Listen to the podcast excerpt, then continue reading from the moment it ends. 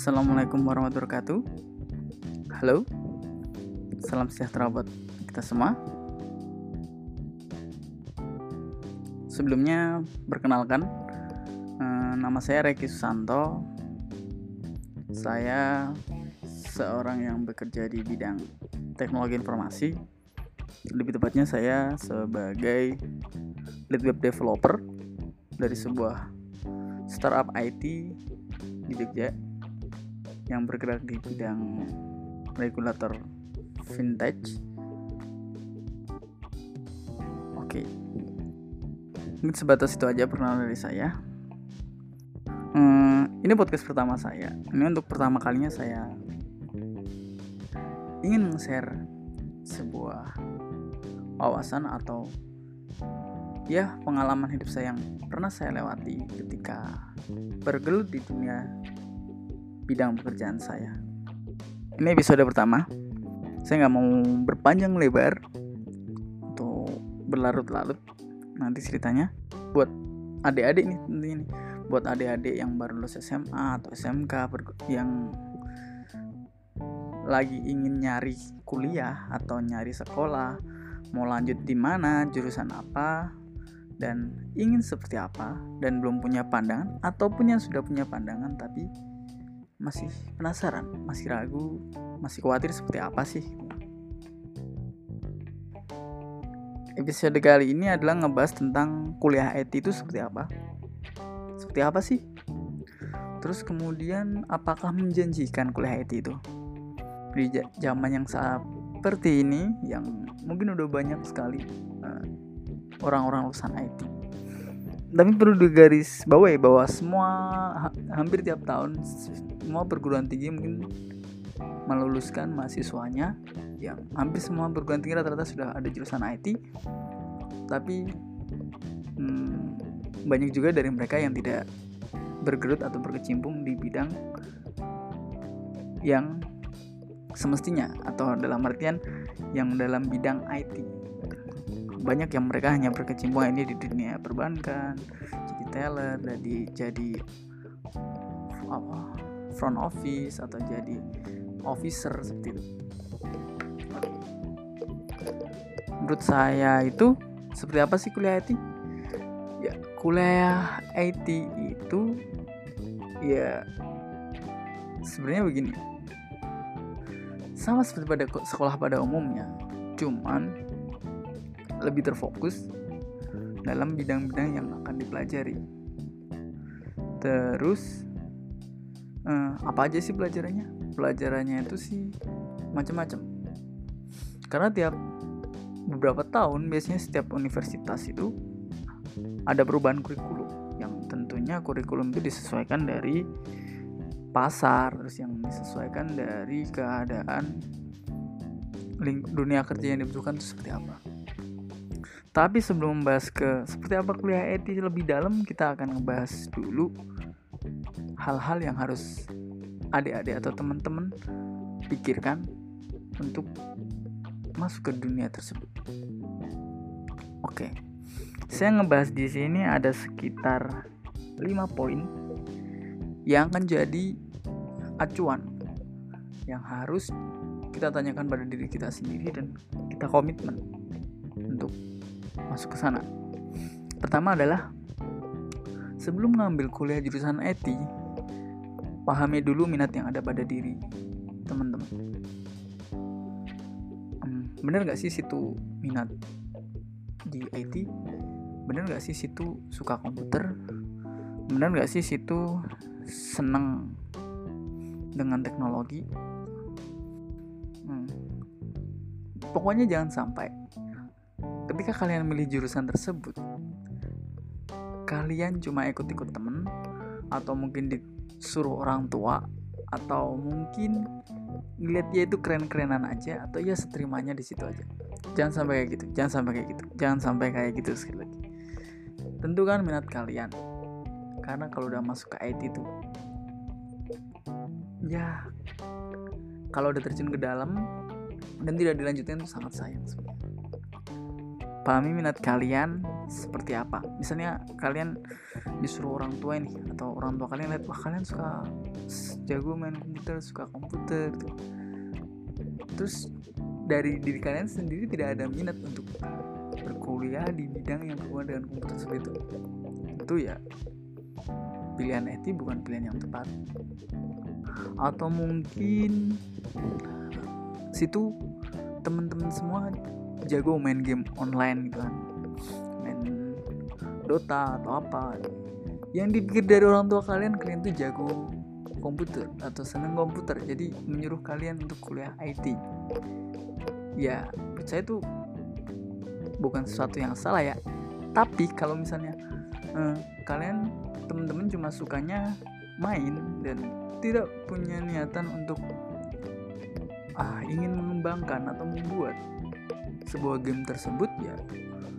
Itu bukan pilihan yang tepat. Lebih baik teman-teman ngambil kuliah yang jurusan e-sport. Di Indonesia ini sudah ada beberapa kuliah yang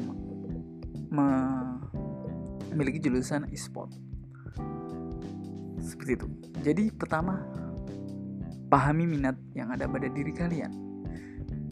Jangan sampai ikut-ikut atau situ masih ngambang seperti apa minatnya di mana. Jangan sampai seperti itu kemudian yang kedua adalah tentukan cita-citamu tentukan cita-cita teman-teman.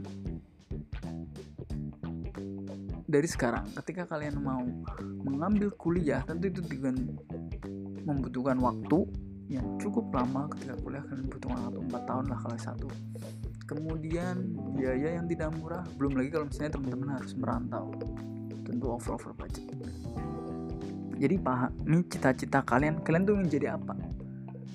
Misalnya kalian punya cita-cita saya ingin jadi programmer. Nggak salah kalian yang suka itu. Cita-cita teman-teman saya ingin menjadi seorang sistem analis. Nggak salah. Saya ingin sebagai network engineer. Atau saya ingin sebagai mobile developer atau saya ingin sebagai PM itu bukan sesuatu yang salah buat kalian kalau kalian mengambil kuliah IT cuma kalau cita-cita kalian ya sementing saya cita-cita saya kerja di kantor lah. Pegang komputer. Ya at least zaman sekarang ya. Lulusan akuntansi manajemen semua juga pegang komputer.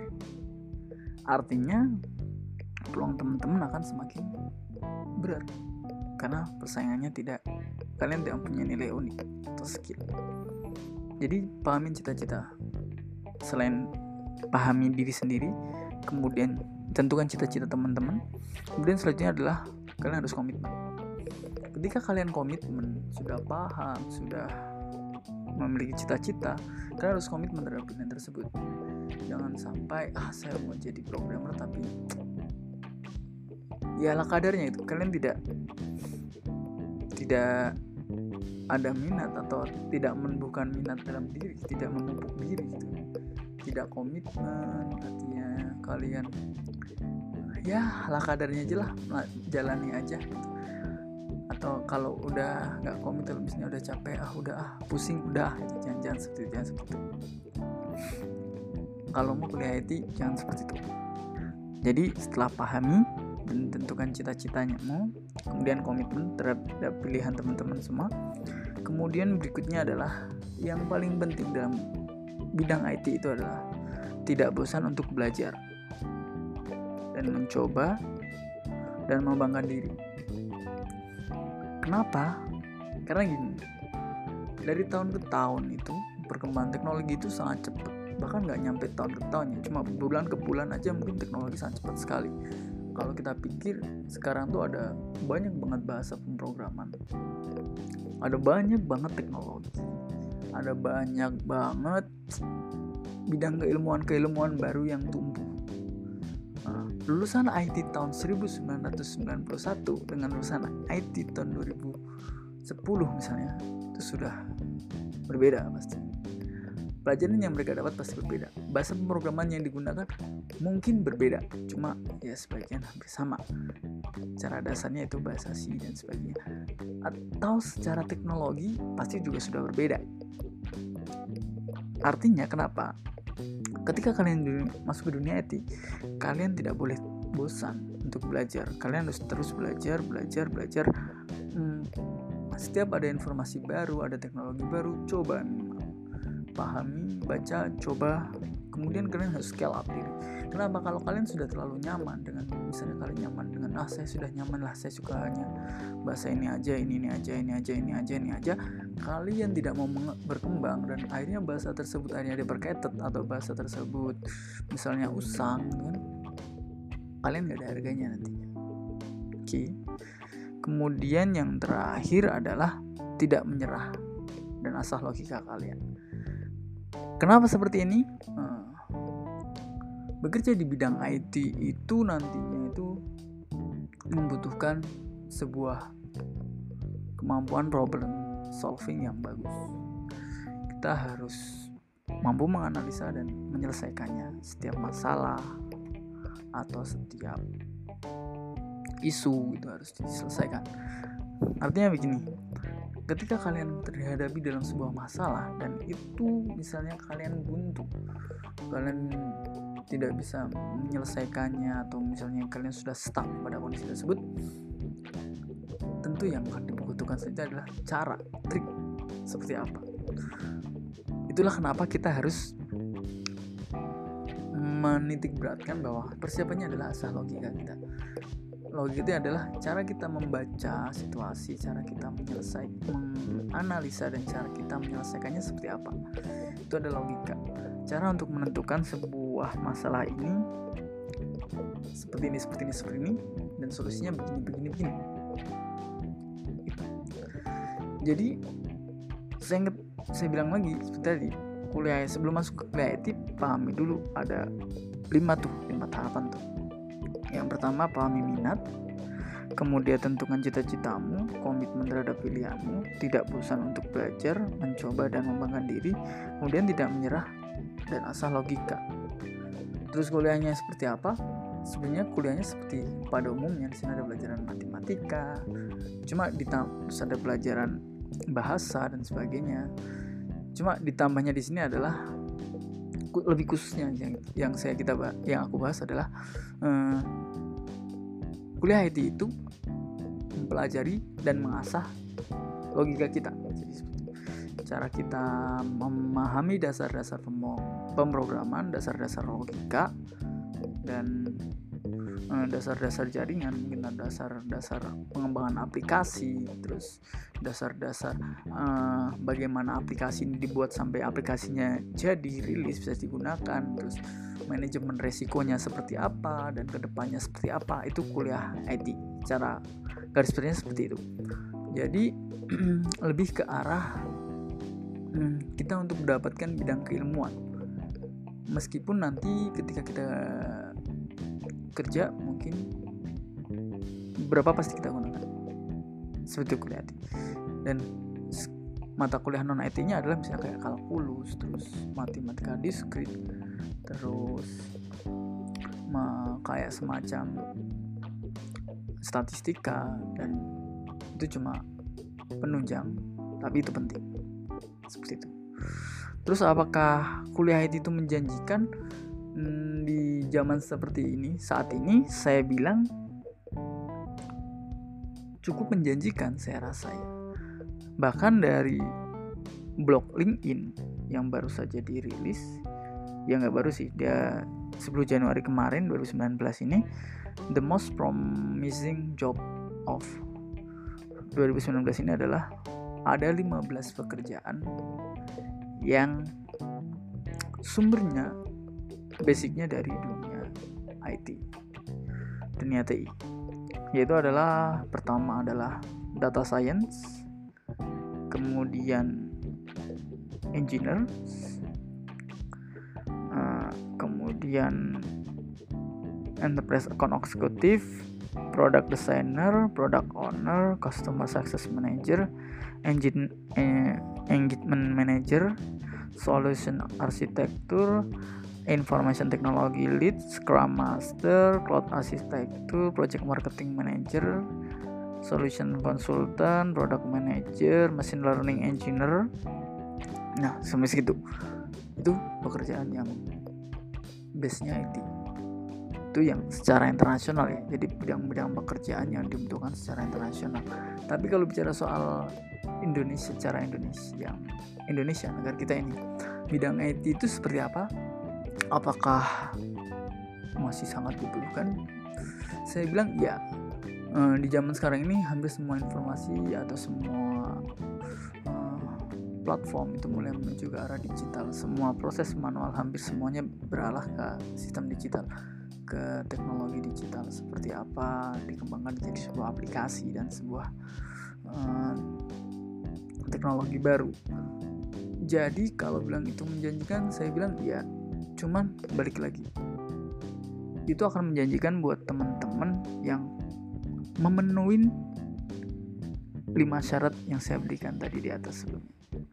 Ketika teman-teman bisa memenuhi itu semua, saya rasa kalian akan mempunyai nilai unik kalian akan punya skill dan kalian akan mampu bersaing di dunia IT di bidang programming atau misalnya Scrum, Project Manager, uh, Product Owner atau sebagai Project Manager itu sangat dibutuhkan saat ini atau di arsitektur, infrastruktur itu juga sangat dibutuhkan saat ini karena karena apa? Karena meskipun lulusannya banyak sebenarnya. Lulusan IT itu banyak tiap tahunnya, tapi hampir dari mereka ketika mereka lulus dia nggak tahu mau jadi apa, kerja seperti apa. Buat orang-orang yang tidak mempunyai 5 poin di atas tadi, ketika mereka lulus mereka baru mikirin saya mau belajar apa, saya mau kerja begini. Jadi mereka baru akan mulai. Sedangkan buat mereka teman-teman semua yang sudah mikirkan 5 poin di atas tadi mestinya kalian sudah mulai belajar sejak kalian menginjakan bangku ke kuliah. Menginjakan kaki ke kampus maksud saya. Duduk di bangku kuliah jadi kalian punya waktu 4 tahun buat belajar dan mengembangkan diri untuk jadi pioner ketika teman-teman lulus nanti oke saya rasa cukup sampai segitu aja pembahasannya tentang episode pertama ini tentang kuliah IT itu seperti apa dan apakah menjanjikan? Saya bilang ya bergantung teman-teman semua.